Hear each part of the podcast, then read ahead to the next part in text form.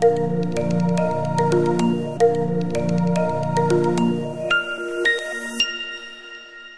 datang di podcast Green Culture. Podcast ini mengangkat hubungan manusia dengan lingkungannya dari berbagai sudut pandang. Manusia dengan segala kehebatannya, sejatinya hidup dari dan ditopang oleh alam. Hidup dari dan ditopang oleh alam dalam hubungan yang awalnya adalah timbal balik. Namun akhir-akhir ini hubungan timbal balik ini bergeser ke arah hubungan parasit dengan inang.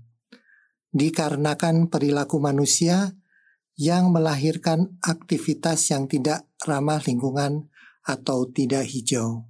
Perilaku tidak hijau ini menghantarkan manusia kepada berbagai konflik.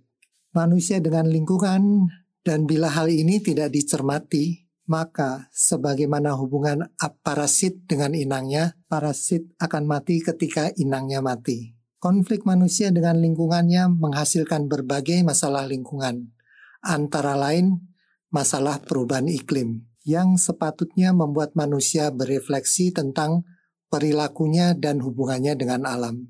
Tapi ceritanya tidaklah sedemikian sederhana dan mudah. Masih ada penyangkalan akan adanya konflik manusia dengan alam dan dengan sendirinya juga menyangkal masalah-masalah yang muncul penerimaan adanya konflik pun masih dipertanyakan apakah benar karena ulah manusia.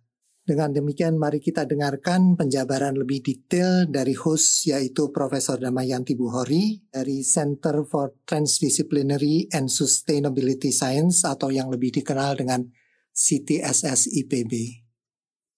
Oke, jadi sekarang bagian saya. Ya saya akan bicara sedikit tentang green culture. Ya. Jadi pertama-tama mau apa ya? Membedah mungkin ya. Apa itu green culture dan mengapa green culture?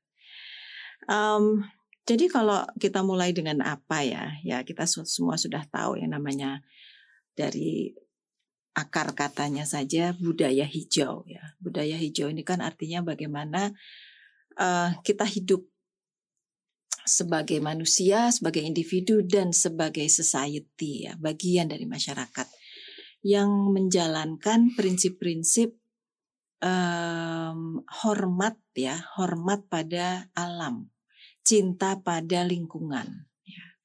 Jadi um, basically yang disebut budaya hijau sebetulnya sederhana ya. Ada rasa sayang uh, kepada hutan misalnya, ada rasa sedih ketika badak ada yang mati ya. Ada rasa menangis ketika melihat gajah uh, terperangkap dan kemudian uh, terluka ya. Um, tapi juga ada keperihan di hati ketika melihat banjir ya manusia kemudian jadi korban dari banjir uh, di mana-mana dan kekeringan juga ya dengan perubahan iklim ya ada kekeringan di mana-mana. Jadi basically budaya hijau itu adalah bagaimana manusia dan alam itu bisa uh, hidup berdampingan dengan damai di mana manusia itu tidak merusak atau sebenarnya susah mau dikatakan tidak merusak ya. Um, karena ketika manusia bertani saja dengan sendirinya kan kita sudah mengubah alam ya. Jadi perubahan itu katanya kan adalah sesuatu yang pasti dalam kehidupan itu adalah perubahan ya. Jadi adanya manusia yang kemudian mengembangkan budaya, mengembangkan ilmu pengetahuan, teknologi, pasti kita mengubah alam. Itu tidak bisa dihindari. Tetapi bagaimana perubahan yang terjadi atas perbuatan manusia? Itu yang menjadi kunci ya. Jadi budaya hijau adalah bagaimana manusia ketika menghasilkan sains, menghasilkan pengetahuan, menghasilkan teknologi itu bisa tetap menjaga alamnya dengan baik. Itu adalah budaya hijau. Mengapa? Mengapa kita sekarang harus berpikir tentang budaya hijau? Well, ini juga sudah jelas sebetulnya. So, um, semoga saya tidak terlalu guruin gitulah ya. Tapi saya lebih membawa pendengar kepada sebuah perenungan mungkin ya. Uh, bukan bukan maksud menggurui sebetulnya ya. Um, but actually wanting to make apa ya ingin lebih memaknai, mungkin itu yang lebih tepat. Tidak maksudnya menggurui, tetapi ketika ada pertanyaan mengapa kita harus berbicara tentang green culture, lebih ingin mengajak bersama-sama merenung dan mencari makna dari budaya hijau ini. Oke, jadi begini. Kita semua sudah tahu bahwa kita berada pada titik di sini di mana ada perubahan iklim ya dan walaupun sebetulnya ada juga yang pro kontra gitulah ya. Um, terlepas dari pro kontra itu, sebetulnya ada sesuatu yang harus kita pahami bersama-sama. Ya. Pertama, bumi ini hanya satu, ya, yang dinamakan planet Earth itu cuma satu ya bumi ini satu-satunya. Artinya kita hidup hanya bisa di bumi, walaupun Elon Musk pasti pada tahu ya Elon Musk. Elon Musk tuh lagi nyiapin loh untuk kehidupan di planet Mars ya. Jadi rupanya Elon Musk sudah melihat bahwa bumi ini tidak bisa diselamatkan sehingga kemudian dia mendanai riset yang luar biasa mengembangkan teknologi itu untuk siap-siap suatu saat katanya 100 tahun lagi kalau saya nggak salah ya itu kita harus siap pindah ke planet Mars. Pertanyaan saya adalah lah kalau pindah itu kan yang nggak nggak mungkin kita 4 miliar manusia or however many people we are right now pindah rame-rame ke Mars kan nggak mungkin kan. Jadi yang dibawa ke Mars itu kan pasti hanya berapa juta. Terus yang lainnya mau ke mana? Ah, gitu ya. Jadi itu sebetulnya menggelitik saya. Kenapa kita harus berpikir green culture? Tidak bisa dihindari bahwa memang saat ini dengan berbagai macam uh, sepak terjang manusia. Kita merusak alam itu sebetulnya sudah menjadi fact yang tidak perlu diperdebatkan lagi ya. Kalau kita melihat banjir sekarang makin sering kemudian kemarin ini ada siklon ya biasanya eh, ya siklon kan di Filipina ya nggak turun sampai ke Indonesia nih. Jadi pertanyaannya adalah apakah ini menjadi sebuah new normal ya normal baru kita harus biasa hidup dengan siklon, kemudian uh, permukaan air laut naik, and so on and so forth gitulah ya. Uh, jadi tadi dikatakan perubahan adalah sesuatu yang pasti.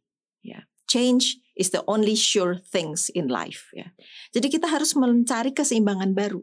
Misalnya, kita harus beradaptasi dengan perubahan yang sedang terjadi karena ulah manusia sendiri. Um, tapi sebetulnya bukan hanya kita harus beradaptasi ketika kita masih mampu memitigasi, menghentikan kerusakan-kerusakan yang terjadi, marilah kita lakukan itu bersama-sama. Sehingga yang dikatakan dengan ketika ada pertanyaan, mengapa green culture? Jawabannya adalah karena kita harus menyelamatkan planet bumi, karena planet bumi ini adalah satu-satunya, dan karena kerusakan itu harus dihentikan atau dikurangi. Ya. Nah, uh, itu pertanyaan sederhana ya. Dengan uh, mengapa harus green culture ya.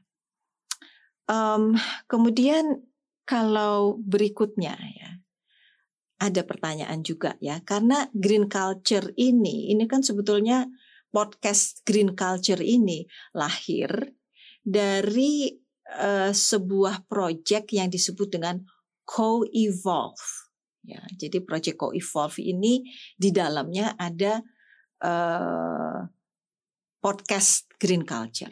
Kenapa Co-Evolve sampai menghasilkan Green Culture?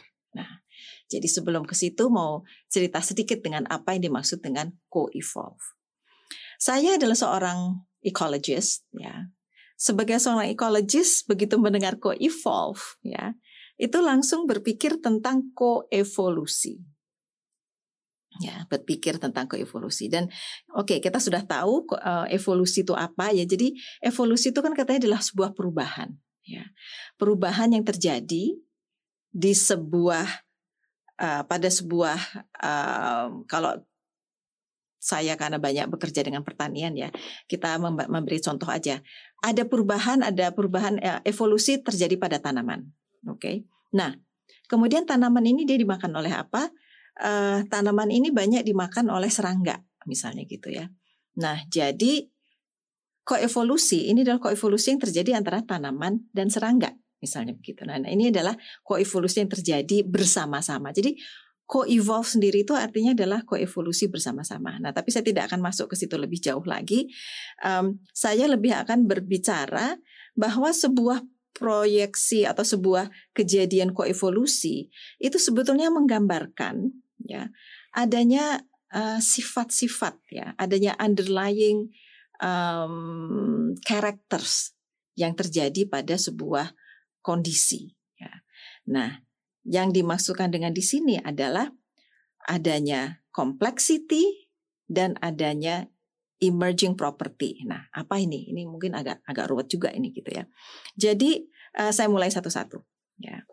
Jadi tadi sudah dikatakan bahwa co-evolve ini sebetulnya merupakan bagian dari proyek uh, besar ya, dari proyek EU begitulah ya. Nah, kami di sini green culture di sini melihat bahwa uh, ketika kita berbicara tentang um, apa ya green culture budaya hijau itu kita berarti berbicara tentang manusia dan alamnya yang harus bersama-sama hidup berdampingan seperti tadi disebutkan tersebut ya.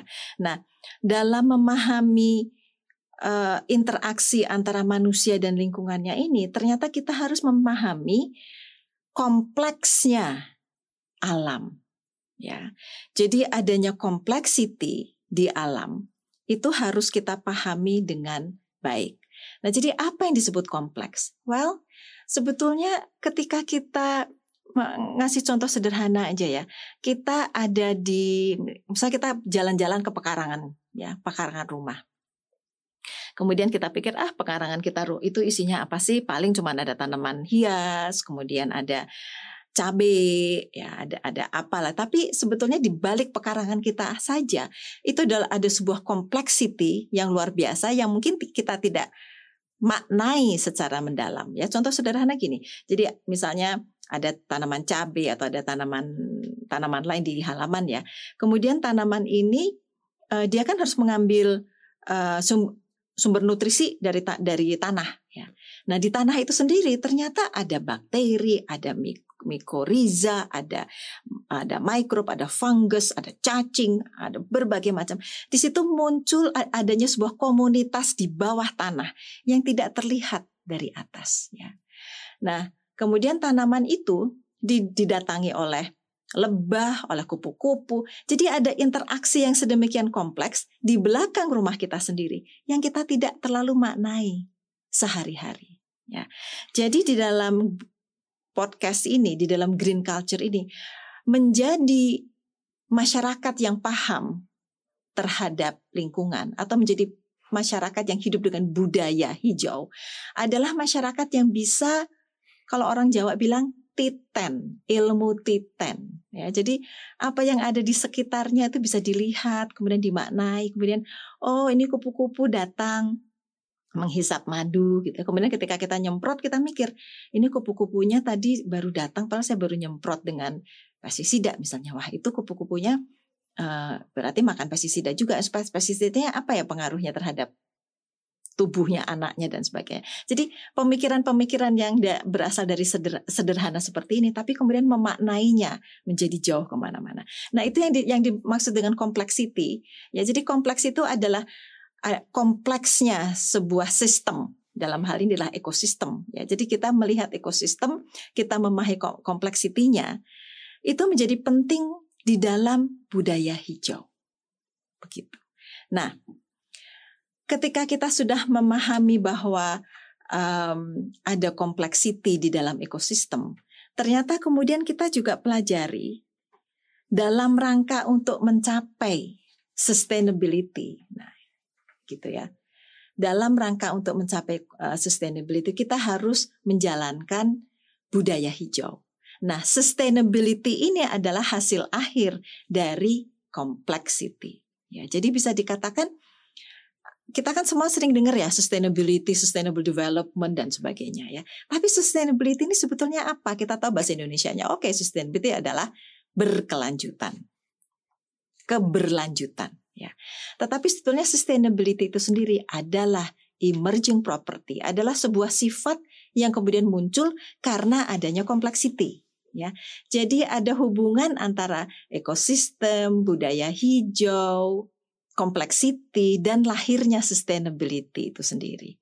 Nah, pemahaman ini tampaknya makin se, di masa ini akan menjadi semakin penting. Karena tadi itu Elon Musk sedang siap-siap untuk pergi ke planet Mars. Padahal kita kan maunya menyelamatkan bumi dong, karena kita ingin menyelamatkan semua yang ada di bumi ini. Kita nggak boleh dong egois hanya menyelamatkan uh, manusia doang. Ya, kita harus menyelamatkan bumi dengan seisinya, dengan cacing-cacingnya, dengan kecoa-kecoanya. Kenapa? Karena manusia adalah khalifah. We are stewards of the earth. Manusia diberi akal, diberi budi, diberi kemampuan katanya otaknya paling tinggi, paling sempurna, paling kompleks dari semua spesies yang ada. Buat apa itu semua? Agar kita bisa memelihara alam ini dengan baik. Jadi green culture itu diarahkannya sebenarnya ke situ. Bagaimana kita bisa melahirkan atau bukan melahirkan ya, bagaimana kita bisa influencing Nah, gitu. Bagaimana kita bisa influencing kita semua bersama-sama untuk lebih memaknai kehidupan ini, merenung, menarik nafas, dan di tengah-tengah gegap gempita kehidupan yang sekarang sedang, waduh, luar biasa ini ya.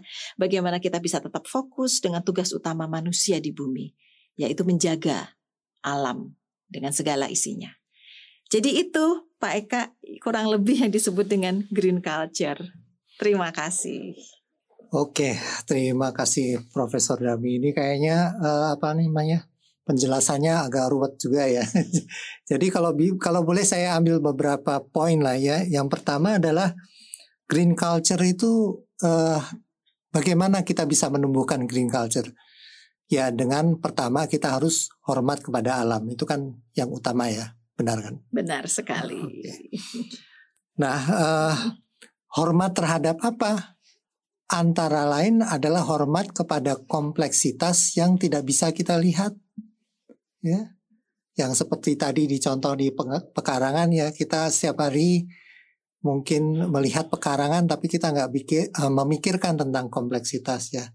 Ya kita hanya mikirnya wah pekaranganku bagus nggak bagus dan seterusnya kira begitu ya. Iya. Nah, nah itu ditambah ini maaf nih agak menyimpang sedikit tapi menurut, menurut saya menghargai kompleksitas ini kayaknya saat ini agak berlawanan dengan tren yang uh, berlangsung ya, tren modernisasi, di mana semua maunya mudah, cepat, ya. Anda punya handphone, pasang aplikasi yang apa, yang gampang, yang cuma cetek sana, cetek sini, jadi responnya cepat ya. Ini tentunya bukan suatu hal yang sederhana ya karena kayaknya kontradiksi banget ya. Kita harus menghargai kompleksitas tapi di sisi lain kita menjalani uh, hidup yang simple. ya iya maunya simple. makin simple. Maunya simple simple yeah. simple. Kalau bisa That's kayak true. itu ya bagi yang suka uh, nonton mungkin Star Trek gitu punya alat ya. Hot coffee langsung nongol gitu ya Star Trek orang udah gak tahu lagi apa Star Trek. ya mereka mempunyai alat replikator namanya food trip replikator gitu ya. Nah terus kunci yang berikutnya, oke okay, walaupun Elon Musk mengatakan dia mempunyai uh, rencana yang memindahkan manusia, tapi kita berpikir realistis aja lah dari sekarang kalau nggak salah udah 7 miliar ya manusia ya. Hmm, gitu ya 7 miliar tuh berapa sih yang bisa selamat Diangkut. dan rasanya juga tidak mungkin ber, ber, uh, ber apa namanya memindahkan manusia ini tanpa tanpa uh, suatu embel-embel ya tanpa suatu syarat ya yang mana dulu oh karena ini tanpa suatu atribut hmm. pasti akan dipasangkan atribut mana yang layak dan mana yang tidak iya, layak iya, ya betul. jadi kembali ke kita harus hormat kepada bumi ya uh, ada lagi mungkin yang mau ditambahkan dari Bu Dami? Mungkin satu ya tadi ada yang apa uh, terlupa ya, mungkin sebagai penutup aja. Um, sebetulnya dengan kita masuk kepada green culture ini, yang akan terjadi itu sebenarnya kita shifting the equilibrium. Ya, kita sudah comfortable dengan model kehidupan seperti ini. Ketika kita mau embracing green culture, mau nggak mau we have to shift our equilibrium. Jadi kita memang harus apa titik keseimbangan kita harus mencari titik keseimbangan baru. Nah, mencari titik keseimbangan baru ini yang berat dan akan bisa-bisa berdarah-darah karena harus ada yang dikorbankan itu tadinya maunya simple ternyata kita harus tetap berpikir kompleks. Kemudian kita yang tadinya biasa dengan hal-hal yang apa ya kegiatan-kegiatan yang menghasilkan emisi karbon gitu misalnya sekarang kita harus berpikir oke okay, mungkin harus ada uang yang kita keluarkan lebih banyak karena kita sedang mengembangkan teknologi yang lebih hijau. Jadi mungkin kehidupan itu is not as comfortable as it used to be, but we have to pass that stage. Ketika mencapai titik keseimbangan baru itu pasti ada transisi-transisi yang membuat kita merasa goyah. Nah itu kita siap nggak sebagai spesies Homo sapiens siap nggak untuk mencapai titik keseimbangan baru? That's the question. Ya semoga dengan adanya Green Culture Podcast ini siap ya. Jadi ada hasilnya walaupun mungkin iya. perlu waktu ya. Dan, iya. dan menurut saya juga uh, mengenai uh, titik keseimbangan ya bukan hanya sekedar mencari titik keseimbangan baru ya, tapi mm-hmm. proses mencarinya pun itu harus lebih cepat ya. Mm. Berganti-ganti okay. karena sekarang keseimbangannya lebih bersifat dinamis dibandingin dulu. Okay. Dulu mungkin 10 tahun, 15 tahun nggak ngefek ya. Tapi sekarang udah kerasa COVID lah contohnya dalam sekejap semua negara kena ya. Yeah. Dan proses vaksin yang biasanya sekian lama dipush bisa harus sekian mm -mm. diperpendek ya. Mm -mm. Jadi memang isunya adalah mencari ke titik titik keseimbangan baru dan uh, jangan berharap titik keseimbangan baru itu akan bertahan lama. Betul. Akan secara dinamis berubah dan kita harus mengejar. Gitu. Betul. Ya kurang lebih seperti itu ya. Jadi uh, kalau boleh saya uh, summary ya, summarize ya. Jadi bahwa co-evolve ini sebenarnya adalah pergeseran budaya ya dari budaya tidak hijau menjadi hijau dengan merubah perilaku. Nah itu paradoksnya adalah harus hormat kepada alam, tapi di sisi lain maunya semua simple. itu yang perjuangan berdarah-darah ya. Ya semoga bisalah ya. Nah, e, karena ada paradoks ini, maka memang informasi ya, informasi untuk melakukan e, co-evolve ini sangat penting ya. Jadi informasi yang membawa perubahan menuju perbedaan ya. Kenapa perbedaan? Karena contohnya tadi di pekarangan banyak hal ya, kompleksitas yang harus kita pertimbangkan, bukan yang hanya kita lihat saja.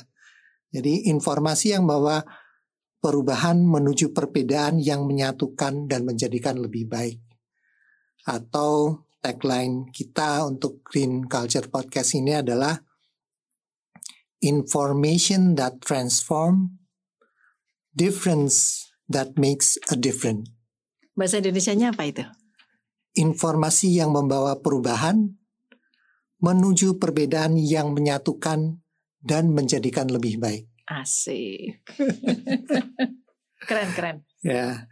Dan untuk podcast ini akan dilakukan dalam tiga putaran dengan masing-masing putaran terdiri dari dua episode, yaitu putaran pertama pengantar apa yang dimaksud dengan tidak hijau, putaran kedua sebuah refleksi atau renungan ya, apa di balik sumber tidak hijau tersebut, dan putaran ketiga adalah co-create new possibility ya jadi jangan jangan ngarep Elon Musk saja ya. Kita harus bersama-sama membuat possibility-possibility baru. Ya, demikian dari saya sebagai narator. Saya lupa tadi memperkenalkan diri ini. Ya. Entah gimana nanti ya. Ya, saya narator Eka seba, uh, dari CTSS sebagai fellow. Terima kasih dan selamat mendengarkan.